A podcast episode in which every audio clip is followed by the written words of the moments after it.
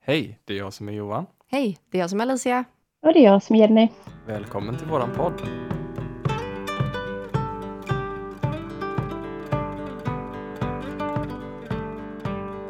Oh, men du Jenny, du är ju andra gästen vi har här i podden. Eh, Ja. Och idag så ska ju vi prata lite om kraftdjur och lite om Ja. djurkommunikation. Mm. Superkul. Väldigt spännande. Mm. Men Ja. vi tänkte först, vem är du? Vad gör du för någonting? Ja, vem är jag egentligen? Nej, men jag, eh, vad ska man säga? Jag är ju, jag har gjort så himla mycket egentligen. Jag, man börjar tänka efter vad man gör i sitt liv. Men jag är ju utbildat medium egentligen och djurkommunikatör. Eh, healar. Jag, har gått, jag håller på med aromamassage och lite sådär, lite av allt möjligt sådär egentligen. Du pluggar lite just nu med va? Ja, precis. Jag, eh, jag håller på att utbilda mig till hyposyntesterapeut. Coolt. Wow, spännande. Ja, eh, och det brukar ju oftast vara sådär, oj, vad är det? Ja, Ja, lite så. Hyposyntesen är ju, det är massa olika terapier inbakade i, igen kan man säga. Okej. Så det, så det blir lite grann, man kan säga med ett annat ord, holistisk coach kan vi nästan säga. Det brukar folk förstå lite lättare. Ja, det är lite lättare att förstå. mm. Ja, Men det blir jättekul. Ja, häftigt. Det ska bli kul att få följa med på den resan. ja det är jättespännande och att eh, den binder ihop så många andliga tänk och terapiformer. Eh, mycket som är väldigt naturligt egentligen i hur vi, hur vi ser på oss själva och själen och vad som är trauma och vart lagras det någonstans och hur kan vi släppa taget om det och så går man ju in i hypnos och ja, det är många spännande delar faktiskt. Jättespännande.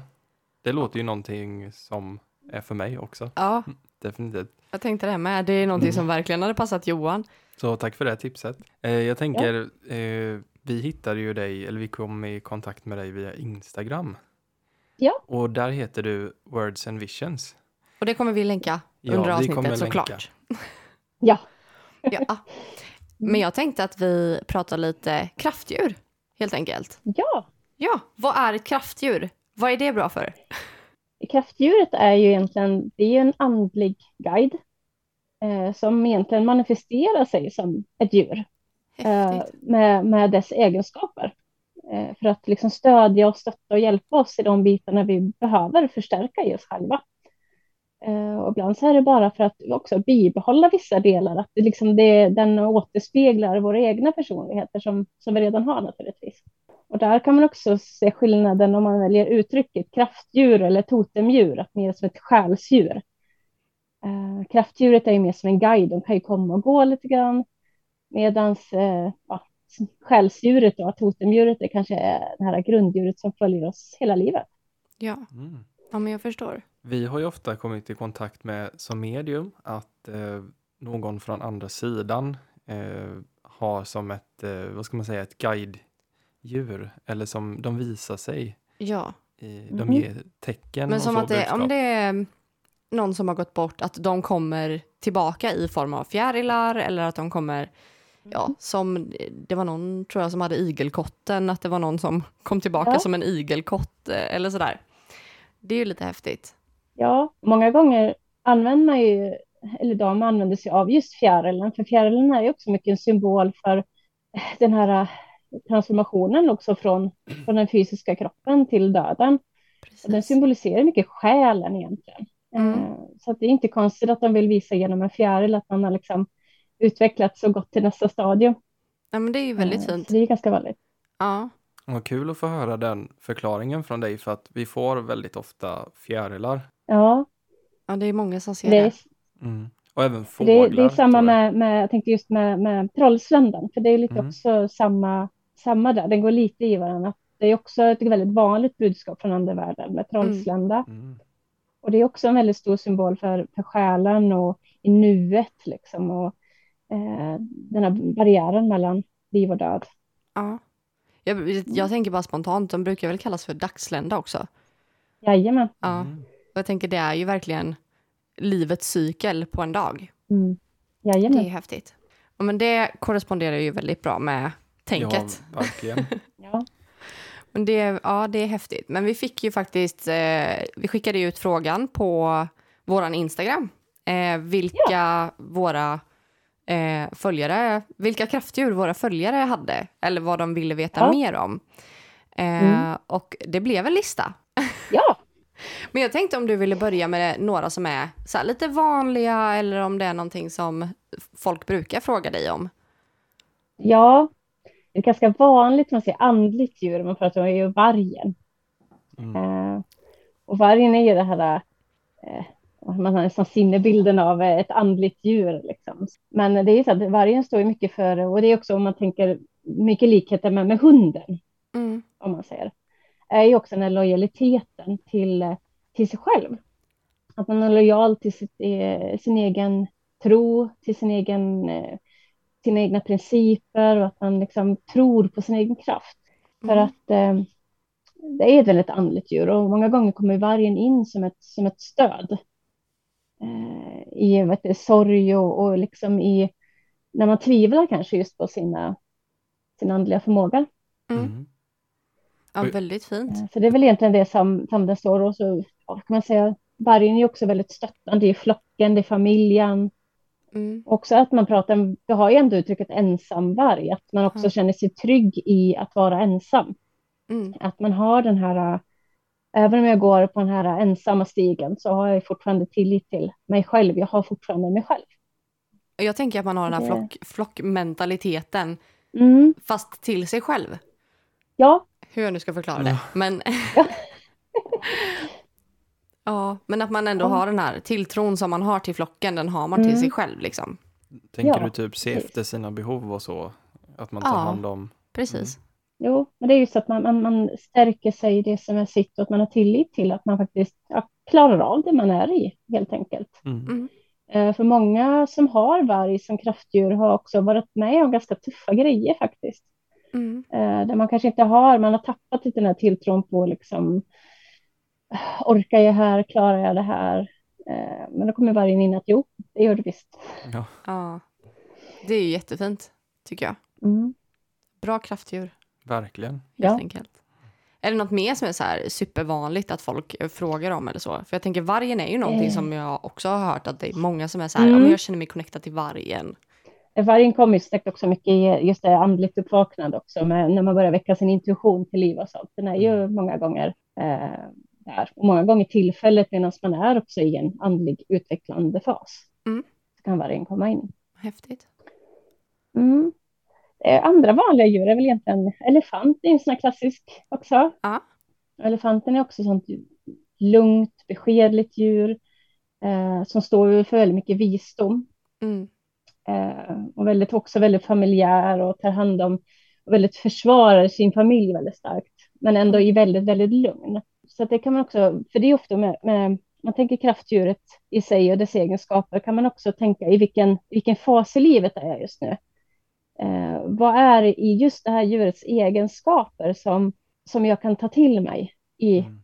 det jag är i just nu eh, och de problemen jag är i.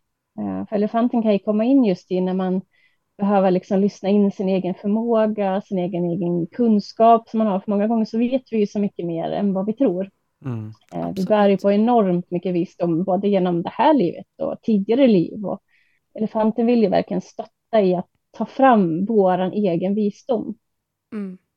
Ja, och jag tänker också det här med att, ehm, att man lyssnar inåt och att man plockar fram den där kunskapen och att man vågar stå upp för sig själv kanske.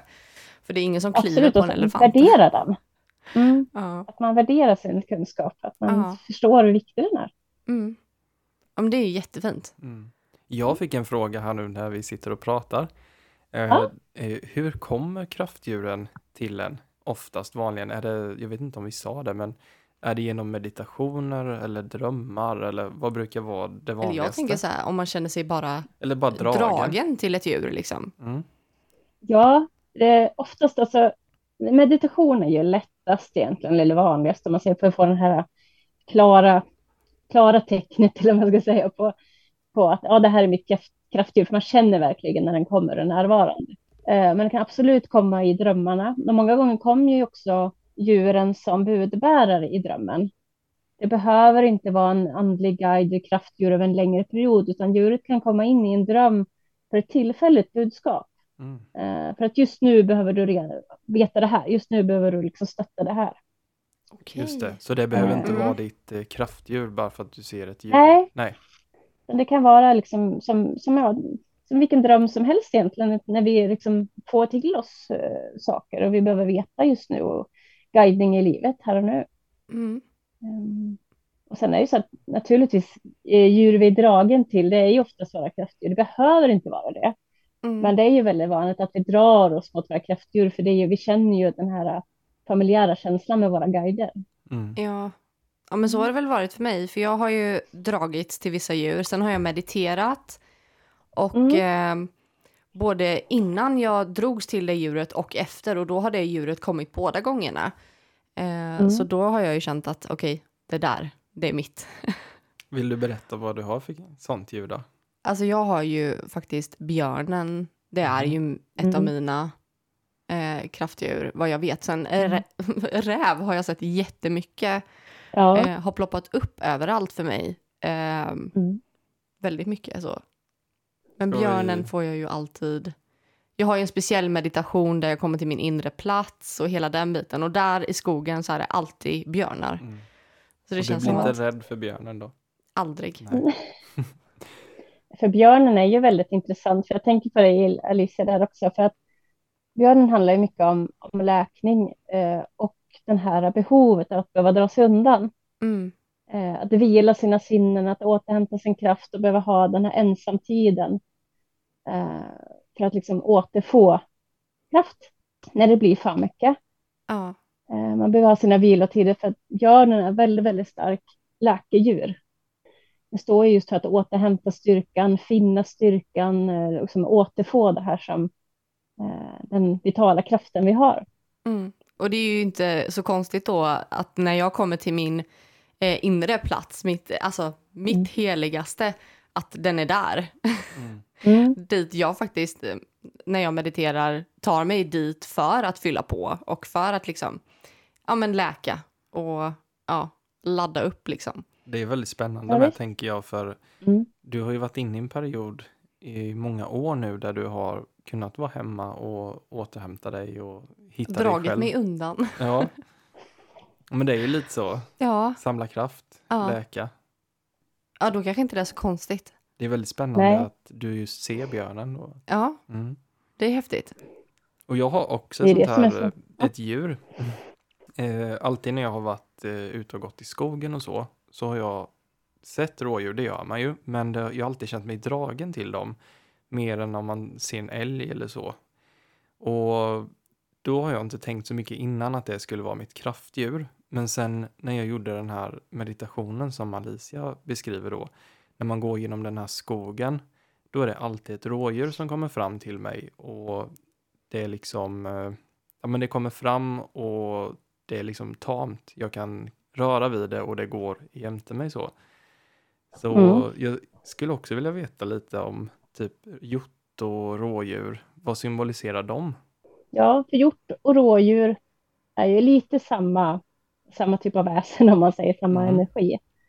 Eh, Det som skiljer rådjuret till exempel mot en hjort är att rådjuret är ju mera, den är mer mild, eh, nyfiken, eh, men också på sin vakt naturligtvis. Den är ju snabb, den hittar lätt nya vägar Mm. eh, om den stöter på problem. Eh, hittar nya lösningar fort. Eh, men också den här mjuka stoltheten, den här milda, mjuka sättet. Eh, att man är stolt över den man är, man liksom, skönhet liksom i, i sin omgivning. Eh, och hjorten står också för det här lugna, men kanske lite mera pondus, Mm. eh, Mm. graciös. Eh, så den är lite mera eh, starkare stolthet om man Mm. säger i Mm. sin, eh, sin hållning. Men annars är ju rådjuret mycket det här milda, nyfikna som verkligen tar vara på vardagen. Mm. Eh, man hittar väldigt snabbt lösningar när det stöter på problem. Du får helt enkelt ta och sträcka då- lite mer. Ja, jag får bli en hjort. Ja. Ja. Nej, men det, det beskriver ju mig eh, väldigt väl, tycker jag. Ja, det gör det verkligen.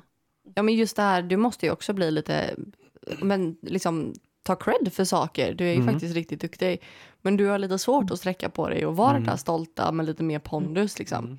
Mm. Så du får försöka omvandla det där rådjuret till en hjort helt Får enkelt. växa ett par horn här nu. ja, men jättespännande Jenny att få höra det. För det är ju en sån där sak som jag har gått och kanske undermedvetet funderat på men inte liksom sökt upp Mm.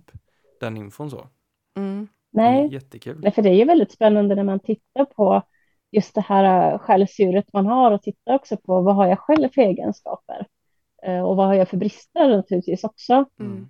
Eh, och det, man, det är ju så häftigt när man ser hur det matchar ihop. Man förstår ju varför man har fått det här djuret. Ja, Mm, precis. Ja. Och sen tänker jag så här, räven för mig, det, då är man Ja. ju lite lurig. Ja, men det är list. Ja. Mm. Jag tänker, för jag älskar ju så här busa och luras lite och inte så att det skadar någon, men på ett liksom, mm. jag älskar ju Ja, men pranka räven är ju lite en trickster Mm. som man säger. Den Ja. är ju lite en räv bakom örat som man Mm. säger. Man, man hittar små kluriga lösningar. Man kanske gillar lite pranks och man gillar lite så här. Man, så räven kommer ju oftast in i att man ska vara lite lekfull. Mm. Eh, det är okej att skoja lite. Det är okej att smyga sig på lite grann. Eh, hitta smarta, kluriga lösningar kanske som ingen annan hittar på. Mm. Ja, men det är ju faktiskt sant. Det Ja, stämmer men ju också det väldigt bra in på mig. in väldigt väl För på den har ju hängt med ett bra tag nu i, eh, i något år faktiskt. Mm. Mm. Det tycker jag är häftigt. Ska vi ta något mer? Ja, Vad står det på listan? Vi har en lista. jag har en lista. Jag, jag har faktiskt ett djur som jag har känt mig dragen till hela livet. Eh, och det är tigern. Och jag vet att den Mm. skiljer sig lite från lejonet. Men eh, vad är det som kännetecknar tigern? Allmänt, om jag tänker att de stora kattdjuren Mm, är ju mycket naturligtvis styrka eh, och smidighet. det. Eh, Men det som skiljer specifikt tigern till exempel eh, är ju till exempel att det finns inte en tiger som har likadana ränder som någon annan. Utan det är verkligen styrkan i att vara unik. Just det. Precis. Att man verkligen Mm. värderar det som är jag. Att man förstår liksom vad, vad är min styrka i min unika personlighet eller min förmåga. Eller, Mm. eh, så det är väl det liksom som är väldigt utmärkande för, för tigern. Just. Mm. Mm. Vad häftigt. Väldigt häftigt. Det finns ju någonting eh, i varje djur att ta till sig. Ja. Som man Mm. hör. Ja men verkligen och jag tror att man kan ju verkligen använda Jag tänker att man kan använda de här kraftdjuren Ja men som du sa i början där att Okej det här behöver jag i mitt liv just nu Okej jag kanske Ja men har på mig eh, tigermönster eller Ja att man kanske tar till sig det djuret lite extra under en period Ja, precis. Ja, för precis. För att, eh, eh, vad säger, vårat själsdjur, det djuret kommer ju till oss. Det kan vi ju inte välja själv på Nej. det sättet. Men att få en tillfällig guide, en tillfällig stöttning och hjälp i, i en situation, då kan man absolut be om eh, deras hjälp för att mm. få stöd. Så fint Mm. Jag tänker vi hade ju fler kattdjur här Är det Ja, något Ja. speciellt med dem kanske? men de som vi har fått från eh, våra lyssnare. Ja Det är leopard och jaguar också. De sitter ihop med tigern Ja. där. Nej, för det är ju, om man tänker de här stora kattdjuren Mm. För leoparden är också lite grann det här med att smidighet och styrka och att man har sin, sitt unika mönster. Mm. Eh, Så det, det är lite samma och sen också lite grann vad man har för personliga känslor naturligtvis för, för de här djuren. För vissa kan man förstå varför det var just det här kattdjuret som man förstår. Mm. Att man har någon viss dragning till just om man tittar på attributen och hur de lever, kanske vilken miljö de lever i och så. där. Mm. Mm. Just det. Så, men jaguaren är ju lite sådär att den, den sticker ut lite, för den har väldigt mycket budskap om det här med hastiga förändringar Mhm. Mhm. i livet. Eh, när det kastas en kull, liksom, när det blir ja, så här, kriser. Man säger. Mm. Okej. Jaguaren kan många gånger komma in där som att stötta eh, så att man kan behålla lugnet i passagen. Mhm. Okej, Så den intressant. kommer med som en trygghet i den här, liksom, man är mitt uppe i så att säga. Ja. ja, men vad häftigt. Verkligen. Ja, Mm. Ja. Det hade jag faktiskt ingen aning om. De Mm. andra kan man ju ändå så här lite tänka, men elefanten är Mm. klok och Mm. lite sådana där saker. Den hade jag faktiskt ingen Mm. aning om. Vad häftigt. Nästa på listan så har vi häst också. ja för hästen, den är, den är också väldigt häftigt tycker jag, för att Mm. eh, den står ju, det är ju liksom det stora frihetsdjuret. Mm. Eh, för det är också det bara liksom att eh, om man tittar på en häst, den, den är stark och den springer och den, det är liksom verkligen bilden av frihet. Du ser Ja. en, en lösspringande häst över en, eh, en savann eller vad man säger. Mm. Men det är verkligen hästen är ju det stora frihetsdjuret. Mm. Eh, och den är ju också det här med att eh, släppa sina begränsningar, sina hämningar. Eh, att inte låsa sig fast vid förutfattade meningar eller gamla trauman eller vad det nu kan vara för någonting, utan att man får känna sig fri. Mm. Vad häftigt. För det här, den Ja. frågan kom nämligen från en eh, underbar tjej som var på en tidigare livreading hos mig. Och Ja. eh, där fick vi faktiskt fram att eh, hon har ju träffat sin guide i tidigare liv. Och då kom Mm. den här guiden i hästform. Och hon har ju känt sig dragen till hästar hela sitt liv. Eh, och i det livet så levde hon ihop med den här hästen i en väldigt kort period. Men den skulle kicka igång hennes spirituella uppvaknande i det livet. Så det var Ja. väldigt häftigt och eh, just det här frihetstänket för att i det livet Mm. så var hon väldigt låst i, liksom, Mm. eh, i, i sin grupp eh, av människor. Mm. Eh, och liksom tänkte väldigt så här dag för dag. Det var liksom in, alltså, ja, jaga, göra ditten, göra datten.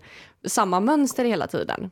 Och eh, Mm. efter det här så bara bröt hon och gjorde helt andra saker. Ehm, så det är väldigt intressant just det här äh, frihet. Det var väldigt, Ja. väldigt häftigt. Eh, den är också fri i sin kärlek. Mm. Mm. Att inte känna sig begränsad i, i kärlek. Eh, jag vet det är många som har, om till exempel att man eh, ja, börjar fundera i sin sexualitet, allt möjliga sådana saker också, att man inte låser det. Ja, men ja, det här är inte jag eller det här är inte jag, utan hästen kan många gånger komma in där också. Mm. Att man ska känna sig fri i sin kärlek, att älska den man vill. Ja, fint. Jättefint. Mm. Häftigt. Mm. Mm. Ja, men jag minns den eh, läsningen som du gjorde, den tidigare Ja. liv-readingen. Ja. Och jag förstår inte liksom vilken betydelse djuret hade i, i historien. Jag tänkte bara, men det är bara en häst. Nej. Men nu när jag liksom hör det här, då makes sense liksom. Men det är det som är så häftigt när man gör en tidigare live-reading för att jag får ju uppleva den kärleken emellan he- henne och hennes guide. Det var så mäktigt och ja, just det här att det inte heller finns några gränser, att guiden kom i fysisk form. Det tyckte jag var jättehäftigt. Mm. Ja, häftigt. Nästa på listan så har vi faktiskt igelkott. Ja, Det kanske inte är så vanligt att man stöter på, men nej, Får jag gissa, man har men det är taggarna ganska utåt. roligt för att mm. Nej, men alltså, pi- pigelkotten är ju också, det är ju väldigt nyfiket djur Mm. eh, som ändå är, eh, kan man säga, den är väldigt lättsam och väldigt fin och mjuk men kan ändå försvara sig om den behöver. Mm. Mm. Eh, så att det är en väldigt sårbar liten varelse men som ändå har taggarna utåt när det Mm. behövs. Mm. Eh, så det, det är väl egentligen det. Så jag har inte heller stött på igelkott speciellt många gånger Nej. eh, när det kommer till kraftdjur och sånt där. Mm. Eh, men det är liksom, de gånger det har varit så liksom är det det här lite små påhittigheten och lite den här um, lite småkluriga nyfikenhetskänslan om man säger. Ja. men det, det kan man ju verkligen koppla till Mm. igelkotten. Det känns ju Ja, som ett sånt djur. Mm.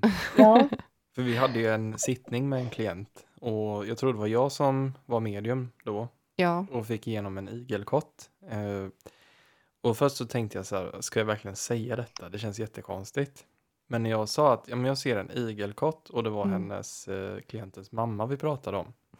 Och hon, jag behövde inte ens beskriva en igelkott för henne för hon fattade ju direkt innebörden Mm. av att hennes Mm. mamma kom i form av en igelkott. mm, Och det är lite det som du säger, att eh, det var lite taggarna utåt, men hon var väldigt så här, eh, vad ska man säga, eh, sårbar, nyfiken. Mm. Så det, ofta så känner ju klienten eh, instinktivt, tänker jag, mm. vad den här betydelsen har. Ja. Jo, men det gör man ju oftast. Man, Mm. man får ju den där känslan eh, Mm. i vad det är för någonting som den vill förmedla. Mm. Precis. För Jag det är tror bara mycket man på behöver reflektera lite för sig själv kanske. Och bara så här, okej men nu har jag sett fjärilen hundra gånger, vad betyder det? Mm. Alltså, ja. ja. men jag tror det är ganska, man känner av det också i sig. Liksom. Ja, Mm. För jag vet också att det är många, alltså, man tänker Solögas eh, böcker och sånt, de är ju jättebra och hon är ju helt fantastisk som har tagit eh, till sig de här um, budskapen som djuren kan komma med, de här tillfälliga mötena och sådär. Eh, men man ska aldrig vara rädd för att faktiskt reflektera själv. För Mm. många gånger hamnar man på ett personligt plan. Mm. Eh, vad vill det här djuret säga mig precis här just nu? Det är inte Mm. säkert att det är det, det Solöga upptäckte när hon skrev sin bok där och då, utan för mig var det det här budskapet just nu. Precis. Just det. Men alltså så är det ju med allting egentligen inom det spirituella. Det, man ska ju gå på det man känner. Mm. Så är det ju. Mm. Ja, jag tror vi som människor är så vana vid att det ska finnas ett uppslagsverk med, eh, Mm. Med svar. ja, med svar där vi Ja. söker oss. Men oftast så finns ju det riktiga svaret inom oss. Ja, Ja, så ja. är det ju. Men Jag har väldigt, ett alldeles utmärkt eh, uppslagsverk i, skallen också, Ja. och i Precis. hjärtat. absolut. Ja, gud ja. Men Hade du något mer? Jag tänker, Eh, vi vi kör har igenom de här. Ugglan också. Den är ju väldigt... Den är cl- classic. mm, Ja, men det är den. Eh, och det är ju den här eh, kloka ugglan. Eh, och Mm. där har du också mycket visdom och eh, kunskap och lugnet och vad ska man säga? Jag vet vad jag vet. mm, Mm. Jag behöver inte fundera så mycket. Jag vet vad jag vet. Ugglan är ju också att man säger nattdjur. Det är också det att kunskapen i, i mörkret. Du ser mörkret. mm, Mm. Eh, Du kan se vad som finns i mörkret och det gäller ju också inom oss själva att vi har möjligheten att titta in i oss själva. Vad finns där i mörkret egentligen? Mm. Eh, Nästan lite skuggarbete typ. Ja, det Mm. vill jag säga. Det är, det är väldigt just det, för just de här, för det kan man tänka rent allmänt nattdjur Mm. i mörkret. Eh, vad, är det vi, vad är det vi behöver se i mörkret? Mm. Mm. Ja, men jobba med våra skuggsidor lite kanske. mm. Ja. Eh, sen tänker jag ju spontant att ugglan känns ganska logisk. Tycker jag. Det känns väldigt så här, okej, så här är det. Mm.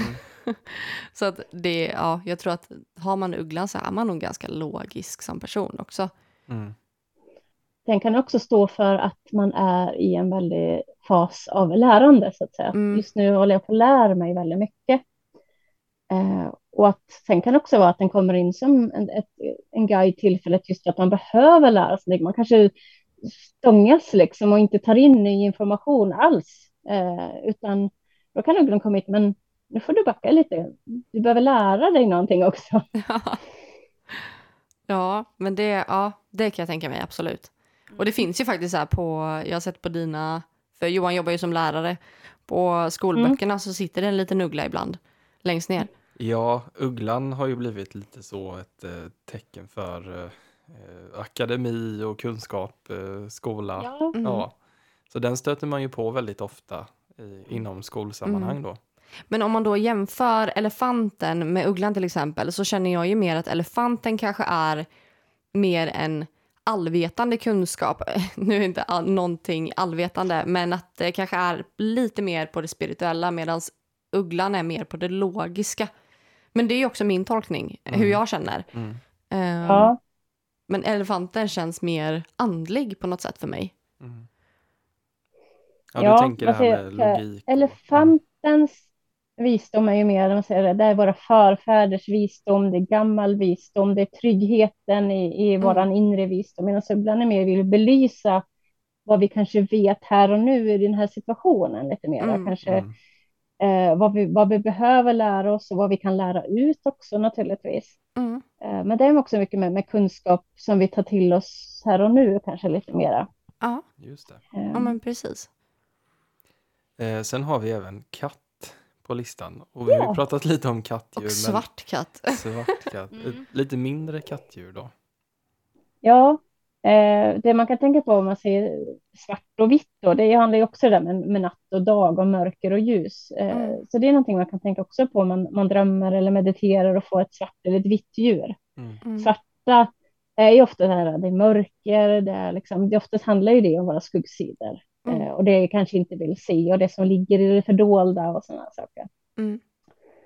Eh, för katten, den är ju väldigt det här med självförtroende, självkärlek och vara graciös och känna sig liksom, för katter de har ju självförtroende långt över. Lite alla också kanske. De är ju verkligen tillitsfulla till vem de är och liksom, de bryr sig inte så mycket. De är i nuet. Det finns inga tankar eller funderingar utan de är verkligen här och nu och de vet vem de är. Mm. Men de känns väldigt Eh. så här, självständiga. Det, Ja, de är självständiga. Det är, det ju är inget, så. eh, det är inget flockdjur.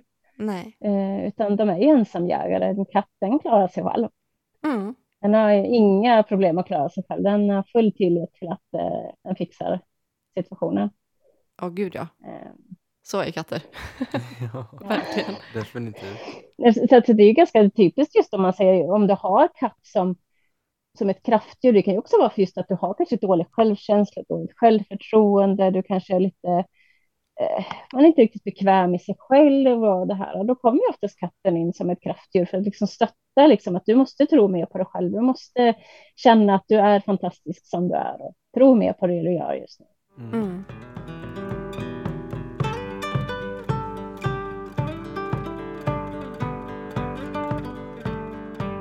Nästa djur som vi har på listan är eh, fladdermus. Den är inte så vanlig. Ja. Mm. Nej, men den är ganska häftig för om Mm. man tänker på, för det här, det här är ju med djuren överlag, om du Mm. tänker på det är så lätt om du tittar på djuret, hur det rör sig, hur det fungerar, vilken miljö det är och så se hur, hur fungerar det i, i mitt liv, vad finns det för likheter? För om du tänker fladdermusen, är ju väldigt unikt sätt också att sondera terrängen, den, den känner av vad finns där ute i mörkret egentligen.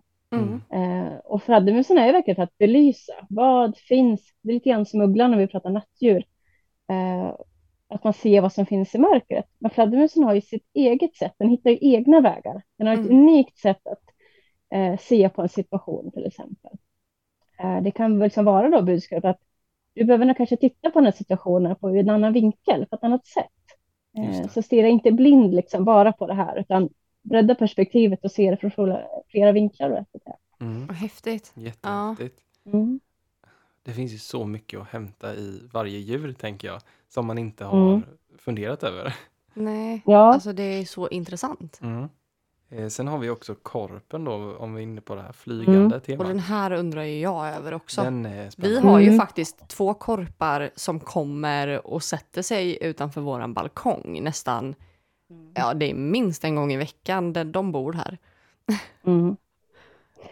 Korpen är ju, den är ju naturligtvis så som man, man pratar ju om vet man, dåligt omen och så. Det finns ju mycket sån eh, Mm. Kultur kring korp. Eh, Mm. Och den är väldigt andligt djur. Den vill ju gärna belysa att nu är det förändringar på gång. Nu, Mm. nu kom, kan det hända någonting idag. Det behöver inte vara något jättenegativt alls. Utan att nu är det en förändring på gång. Mm. Eh, Så det är egentligen det största som korp. Men sen är korpen är väldigt, väldigt andligt, väldigt mycket med magin, vår inre magi. Mm. Eh, Så många som har korpen som, mer som, som ett kraftdjur och det är också att bejaka sin egen magi. Mm. Mm. Eh, Och många som har den är ju också väldigt så här, får eh, förnimmelser och omen till sig. Mm. Att man är väldigt vaken på det sättet och de sinnena är väldigt utvecklade också. Mm. För det har vi båda connectat i, att vi båda har känt korpen väldigt länge. Definitivt. Eh, Mm. Och sen var det så lustigt just att när vi flyttade hit så kom det två eh, och satte sig tillsammans. Eh, de är som Mm. ett par. Eh, de är Ja. så himla fina. Och sen tänker jag ju spontant, du har ju, ska ju tatuera in korp, Ja. det har vi ju tänkt. Mm. Eh, vi tänkt, du har tänkt. Sen jag kopplar ju direkt till Odens korpar. Mm. Mm. Jo, det. det är ju en koppling till, till orden med, definitivt. Om man, eh, om man nu tror på asagudarna. Mm. Eh, men jag tänker också det här med som du sa att eh, man ser dem i samband med att det sker någonting eh, eller ska Mm. ske. Och det har ju vi gjort. Vi kan ha suttit Gud, på ja. balkongen och pratat om någonting eh, och då ser vi de här korparna och då är det som att ja, ni är på rätt väg eller det ska slå in eller Och oftast så kommer de ju faktiskt på morgonen. mm. Mm. Oftast när det är viktiga saker. Ja, Mm. Så då Jo, det är en är stark budbärare. Mm, verkligen. Mm. Så det, det känns verkligen som att det resonerar med vad Ja. vi har upplevt. Absolut. Mm. Många kan ju känna sig lite rädd för korpen, att man förknippar det med, med död och Mm. begravning och sådana saker. Jag älskar Eh, dem. Men ja, ja, de är fantastiska och det är just att de är ju så väldigt mycket just det med varsel, men eh, det är lite negativt laddat det där med varsel. Mm. Mm. Eh, men det kan bara vara det här kraftiga budskapet att nu kommer förändringen. Mm. Mm. Nu, och det kan vara väldigt positiv förändring. Mm. Eh, nu har jag väntat och hur löser jag det här och hur ska det gå med det här? Och men så kommer korpen in. Nu Mm. kommer Mm. ändringen, nu kommer vändningen. Precis. Vad skönt. Jag tänker det är Jag lite, tänker det är befrielse. Ja. ja men det är lite som om vi ska gå in på tarot. Alla är ju rädda som inte kan någonting om tarot för att få döden. Då tror de att de Mm. ska dö. De är livrädd. Men det kan ju också i det fallet vara att det symboliserar något positivt. Ja. Att något Ja. som är dåligt får ett avslut. ja, och jag tänker, vi pratade lite i början om det här. Um, undrar, var det Jaguaren eller någonting som var när det var kaos? Eh, då tänker jag ju på, inom tarot så tänker jag ju på tornet. Eh, Mm. För det är ju det här hastiga avslutet, ah, man skakas i grunden, allting förändras direkt. Medan mer döden är ju ett naturligt avslut som kan vara skönt. Mm. Eh, och det är lite Det är en samma med... transformation bara. Mm, och jag tänker det är lite samma med korpen där, att man, det blir ju vad man gör det till också. Eh, Mm. Förändring kan ju vara jobbigt, men man kan också hantera det på ett helt annat sätt. Mm. Ja, och ibland är det ju en positiv förändring, att man Mm. släpper taget åt sitt gamla jag eller sina gamla problem och tunga energier eller vad det nu kan vara, så får man äntligen passera över till det här lättsammare, mera liksom Gud glädje och skönt. mera lätthet. Ja. Ja, men det är ju superhärligt ju. Sen har vi ett djur som ofta kommer i många olika former beroende på var man är i världen. Men det är draken. Ja, Mm. eh, jag har inte jobbat jättemycket med drakar, utan eh, det är ju mera av de vanliga djuren, om man säger. Mm. Mm. Men eh, draken överlag är ju ett jättestarkt beskyddande väsen. Mm. Mm. Eh, de är ju ett eh, väsen som kommer till en för det blir ett personligt beskydd. Mm. Just det. Eh, man får ju oftast en, en väldigt stark koppling till en viss drake. Mm. Eh, och de är ju också kopplade till olika element naturligtvis. Så många gånger kan elementet kopplat till eh, sitt stjärntecken till exempel. Mm. Vilket är Eh. ganska lustigt att Ja. du säger det. Ja, men det är jättekul.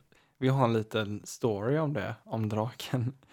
Det är så att eh, en av mina bästa kompisar, eh, han är tillsammans med en tjej som kommer från Thailand.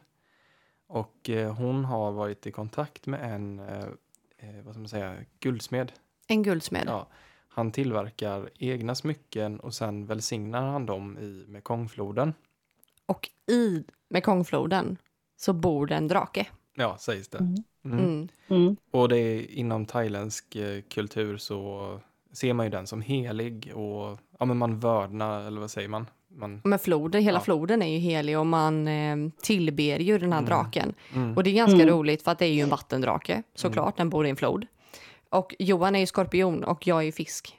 mm. Eh, så det du säger nu, det, alltså det resonerar verkligen. Men den här guldsmeden, han tar inte och gör eh, smycken till vem som helst, utan han var tvungen att få se en bild på oss och sen, sen fick hon sitta i en intervju med honom i flera timmar för att han skulle Mm. känna att vi var att vi fick det här smycket av rätt anledning.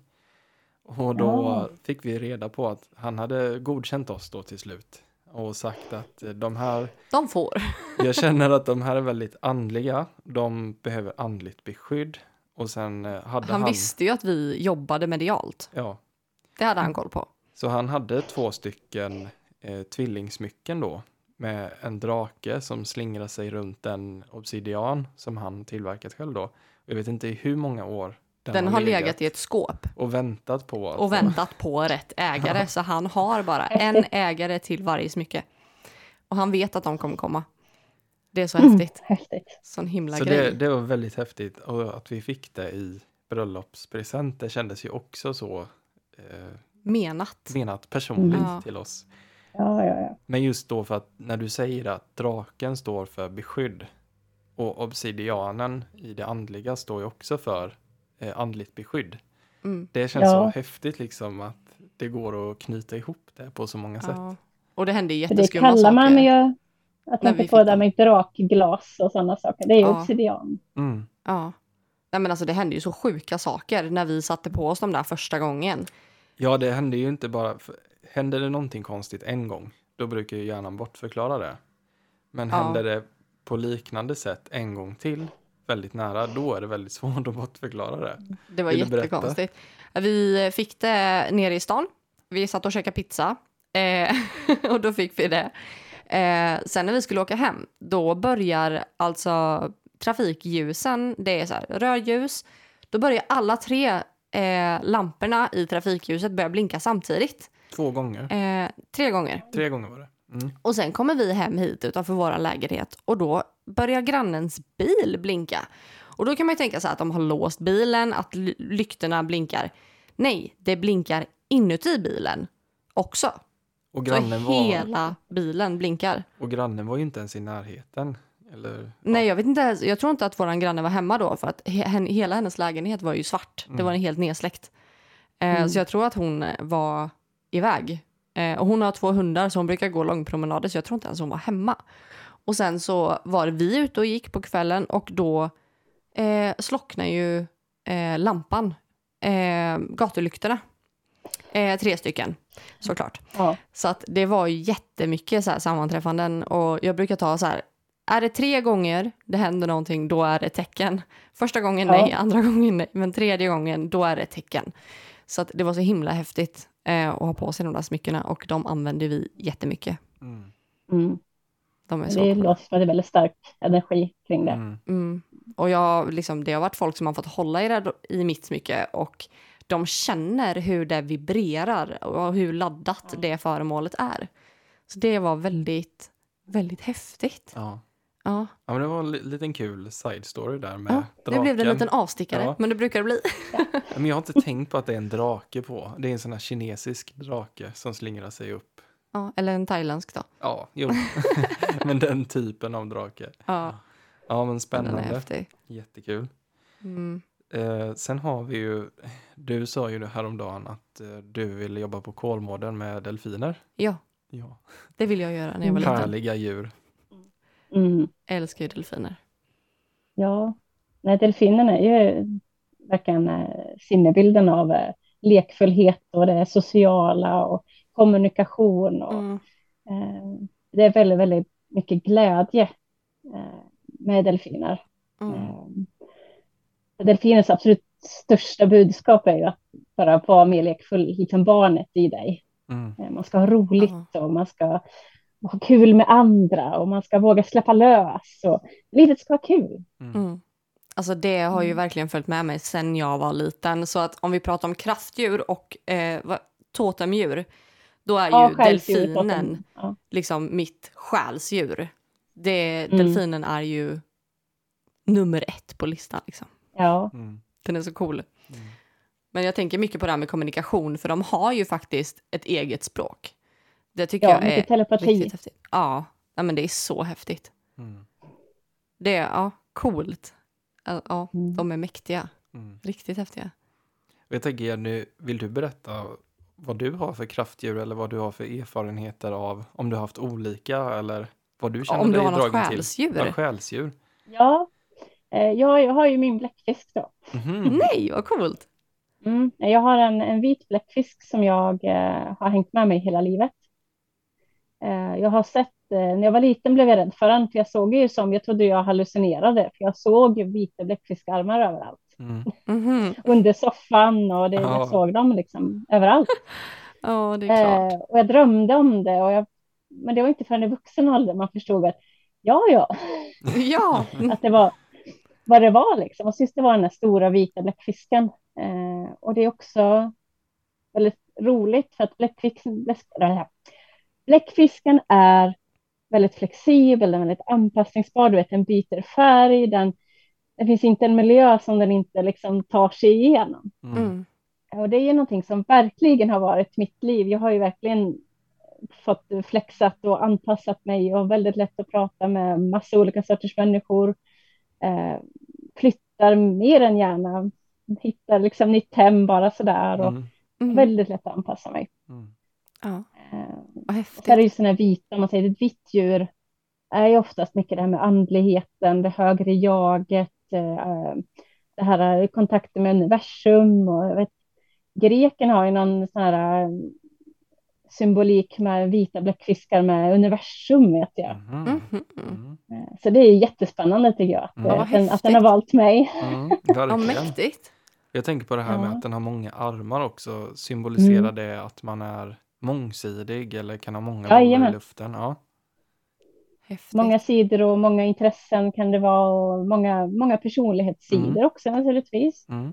Eh, och sen är det också det att det finns ju nackdelar också med att ha många armar med sugploppar. Va? Det är att man Ja. kan fastna överallt och man kan ta åt sig mer än vad man kanske hade tänkt sig. Mm. Ja, Mm. så kan det Eh, också Och vara. det där är jätte, jättefascinerande. Och så Mm. kan man tänka de här åtta armarna, åtta evighets eh, och Mm. eh, jag tror det finns mycket, naturligtvis jag har ju läst på jättemycket om bläckfiskar just för att det, det är mitt djur om man säger. Mm. Ja. Eh, men det är ju så fascinerande i hur just bläckfiskpersonligheten är så tydlig i mig. Ta bara hur jag, ni Ja. ser ju mig på video, Ja. jag viftar och Ja. mina armar är ju Ja. överallt när jag pratar. Ja. Eh, så det, det, det är roligt. Mm. ja, men det är jättehäftigt. Ja. Ja. Mm. Och det är då ditt eh, kraftdjur, eller vad ska man säga? Ja, mitt själsdjur ska man säga, det är mitt lite mer, Mm. att jag har haft med mig den ända Mm. sedan jag var liten. Mm. Sen har jag naturligtvis kraftdjur och, och de, de kommer ju och går lite grann. Mm. Men jag har ju haft en, en hjort ganska mycket och det är också för att jag ska vara stolt över mig själv. Eh, för det har ju inte alltid varit speciellt i mitt liv. Eh, man är ju en, gärna sparka på sig själv och sådär. Mm. Mm. Eh, så att hjorten kommer in mycket just för att jag ska liksom, nej, rätta på det nu. Ja. Nu får du vara stolt över den du är liksom. Precis. Ja. Det är jättefint. Och så, eh, det är ju spännande för att jag, det är väldigt mycket djur i periodvis. Och det är oftast när man har en, en downperiod till exempel. Man tvivlar mycket kanske, man kanske går igenom kriser i livet och då kommer ju de från alla möjliga håll där och Mm. ska stötta upp. Mm. Ja, och sen så tänker jag, alltså vissa människor är ju verkligen djurmänniskor också. Ja, Eh, att man dras väldigt mycket till djur. Jag Mm. älskar ju djur mer än vissa människor. Eh, men det, vi har ju precis skaffat en till hund Mm. eh, här hemma. Eh, Vad söt. för någon vecka sedan. Jag och lilla Bobo. Ja. Han är så himla god. Men de, de fick vara hos eh, mormor idag. Det är inte optimalt in för lite. poddande direkt. Nej. Men jag har ju alltid velat ha hund så vi skaffade ju Alfons för ett och ett halvt år sedan så fort vi flyttade hit egentligen till den här lägenheten. Eh, och det, det har varit en sån där grej som vi båda har velat eh, jättelänge Mm. och vi har alltid velat ha djur och man blir så påfylld. Och jag tänker också det här med själsdjur och eh, vi ska ju även prata lite djurkommunikation. Eh, men Alfons, vi har ju, jag har en familjehund sen innan, eh, Loke. Eh, och sen så skaffade vi Alfons då. Och han är ju, jag har fått det bekräftat av flera stycken som har gjort eh, healing på mig, som har gjort liksom lite avläsningar på mig. De ser en svart katt och jag brukar ju kalla Alfons för min lilla katt. Eh, för att han är ju min familjaris. Vi har ju levt flera liv tillsammans, det har vi också fått bekräftat. Eh, och jag tycker det är så himla häftigt hur man kan connecta så hårt till ett djur. Eh, Och jag kan tänka mig så här, när jag förlorar honom så kommer jag ju att gå under. Eh, är det någonting som man jobbar med inom djurkommunikation, tänker jag spontant? Eh, om det är Jo. många som kommer med djur som har gått bort eller så.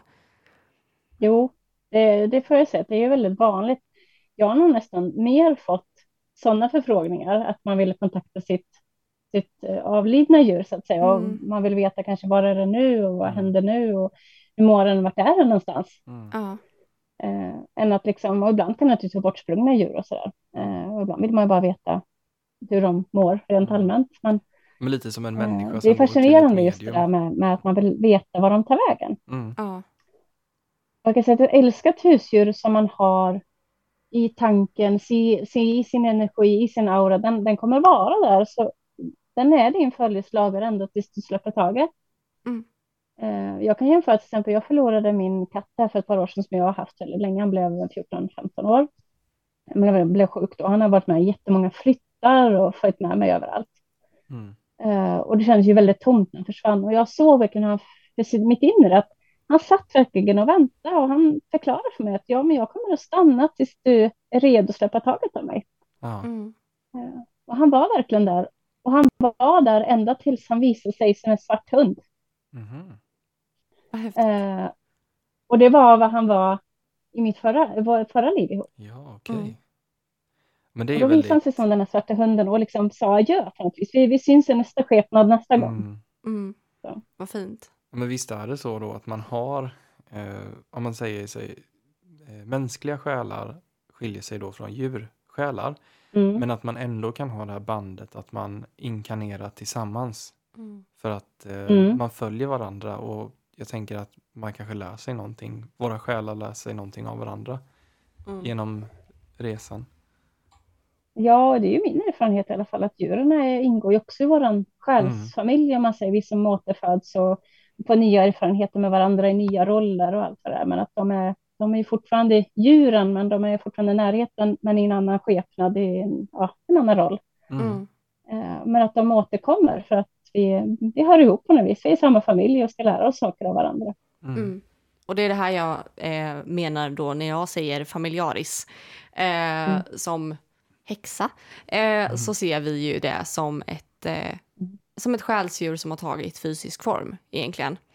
Eh, Mm. Och eh, där kan jag säga, Alfons och jag har levt väldigt många liv ihop. Vi pratar med varandra. Vi förstår varandra väldigt väl och jag vet precis vad han tänker. Eh, Mm. Där kan jag vara så här, men Johan han vill det här. förstår du inte det? Mm. Mm. Men det tycker jag är väldigt intressant. Sen kan inte jag kommunicera med alla djur. Jag kan inte... Alltså, jag har väldigt svårt för det där. Just med djur som inte är mina eller som jag inte träffar fysiskt. Jag måste nästan träffa djuren fysiskt. Mm. Eh, jag kan inte läsa av en bild eller så. Mm. Eh, det tycker jag är väldigt svårt. Är det någonting som du tycker är svårt att här, se en bild på ett djur eller så? Det är olika, för det beror på individen, ska jag vilja säga. Många gånger så är- ju djurkommunikationen via distans. Du får Mm. en bild, kanske ett Mm. namn på djuret och så vill de ha information. Eh, och ibland är det jättelätt, du får kontakt med djuret direkt och det vill, vill ha kontakt. Eh, men vissa djur är ju precis som vi människor, bara, men vem är du? Jag har inte Mm. lust att prata med dig. Ja, precis. Ja, Ja, precis. och då får man ju respektera det. Liksom. Mm. Mm. Ja, för det kan man aldrig tvinga sig på. Eh, Det är Nej. som när man är medium mot andevärlden att eh, är det någon som inte vill ha kontakt då får man ju respektera det. Mm. Ja, och det är så också att för djur är ju, om man säger, de är i nuet. De har instinkter, känslor. De har ju inte det här tänkande språket och analysen och allt det här som vi har, utan de Mm. förmedlar ju oftast det här med känslor eh, och vad man vill och vad man känner, bilder på minnen kanske och vad man önskar och vad man tycker om och sådana saker. Mm. Mm. Sen kan det ju bli lite grann som en eh, Google Translate ibland naturligtvis, att det de vill, det transformeras över till oss, så vi tar ju det som, som meningar och som, som ord och så. Mm. Ja. Eh, Så det är lite grann hur vi tolkar det. Men det är ju som eh, när man jobbar som medium, alltså vi jobbar ju på så olika sätt, Ja, eh, Mm. hur man får till sig de här eh, intrycken. verkligen. verkligen. Mm. Så är det ju. Jag tänker bara så här, jag har inte försökt med speciellt mycket djurkommunikation och jag kommer nog inte heller göra det för jag är väldigt nöjd med den kommunikationen jag har med mina djur. Eh, Men jag tycker det är väldigt intressant att det eh, finns folk som jobbar med det och gud vad jag har funderat på om vi skulle göra det bara så att Johan också får prata med Alfons lika Mm. tydligt som jag får. Det tycker jag är så himla häftigt. Mm. Men jag tycker det är så coolt. Det är ett coolt eh, jobb eller en cool grej. Ja, och jag tänker att eftersom djuren betyder så mycket för oss människor så Ja. är det ju fantastiskt Att Ja. kunna hjälpa den relationen. mm, att man ges den möjligheten att få höra sina djur Mm. på ett annat Ja, sätt. och sen är, om man tänker på just det med sina djur, Mm. det är ju också den här nära kontakten, det är ju som dina familjemedlemmar, vi känner ju varandra, vi, vi har ju lärt oss varandras signaler och våra behov och det är Mm. klart att man också får en energimässig starkare kontakt med familjen Mm. Mm. än en okänd på stan. Gud ja. Eh, Och det är inte konstigt att vi, vi kan kommunicera bättre med, med våra lilla husdjur på, Mm. på, på golvet och vet precis vad de vill än, än vad vi vet vad en främling på gatan vill. Mm. Mm. Det är sant. Mm. Är det någonting som du vill tillägga? Ja, jag tänker att folk vågar, att man tar sig tid att våga leta sina kraftdjur. Det är väldigt Mm. spännande. Mm. Det är någonting som jag tycker eh, fler borde våga Mm. hitta. Ja. Och Det möta. håller jag med om. Hur skulle du säga Mm. att man börjar då om man är nyfiken på vad har jag för kraftdjur? Vad tycker du att man borde vara uppmärksam på eller vad rent av borde man ta sig tid att göra? Nej, lättast är ju i, i meditation naturligtvis, men det kan också vara att under dagtid att man nu vill jag, nu är jag redo att träffa mitt kraftdjur, nu är jag redo att ta, ta emot och veta. Och då kan man också be om att jag vill möta den i min dröm, Mm. Eller nu vill jag möta den i min meditation. Eller kan du på något vis visa mig när jag, idag när jag går till jobbet? Mm. Eh, Då Mm. kanske det kommer en stor affisch med en björn på. Mm. Alltså, det, skicka ut signalen att nu vill jag veta Mm. eh, vilket det är. Åh, jag måste bara ta ett, över vad som händer. Mm. ett till djur innan, jag, innan vi Ja. rundar av. Jag vill Ja. veta om grodan. Ja, Den har jag helt glömt bort, men det hade jag ett tag. Vad är det för någonting? grodan är ju en, är ofta en lyckosymbol, ska man väl säga. Hej! Men den, ja, men det är mycket så här, du vet, du använder det mycket, att man säger symbolspråk med grodan, det här med att förmera pengar eller lycka. Och, och det är just det, grodan är ju det eh, ganska stark symbol för det egentligen, att den, den hoppar vidare och den, den är också så här, ska man säga, en överlevare och, och ändå behov av, det är ändå en känslig individ som är i behov av Ja. rätt miljö på så sätt Absolut. eh, för att må så bra som möjligt. Den behöver fukt till exempel, Mm. att den inte torkar ut och sådana saker. Eh, att det är ett djur som behöver en bra miljö för att frodas. Ja. Ja, vad Om man häftigt. tänker som, som, som grund, liksom, att när grodan kan komma in då som ett, som ett budskap i att skapa en miljö kring dig som du mår bra i. Just det. Coolt. Mm. Ja. Mm. ja, jag var bara tvungen att ta det. Ja, för Så det har du Grodan har ju faktiskt varit en ganska stor del då, för kanske något år sedan.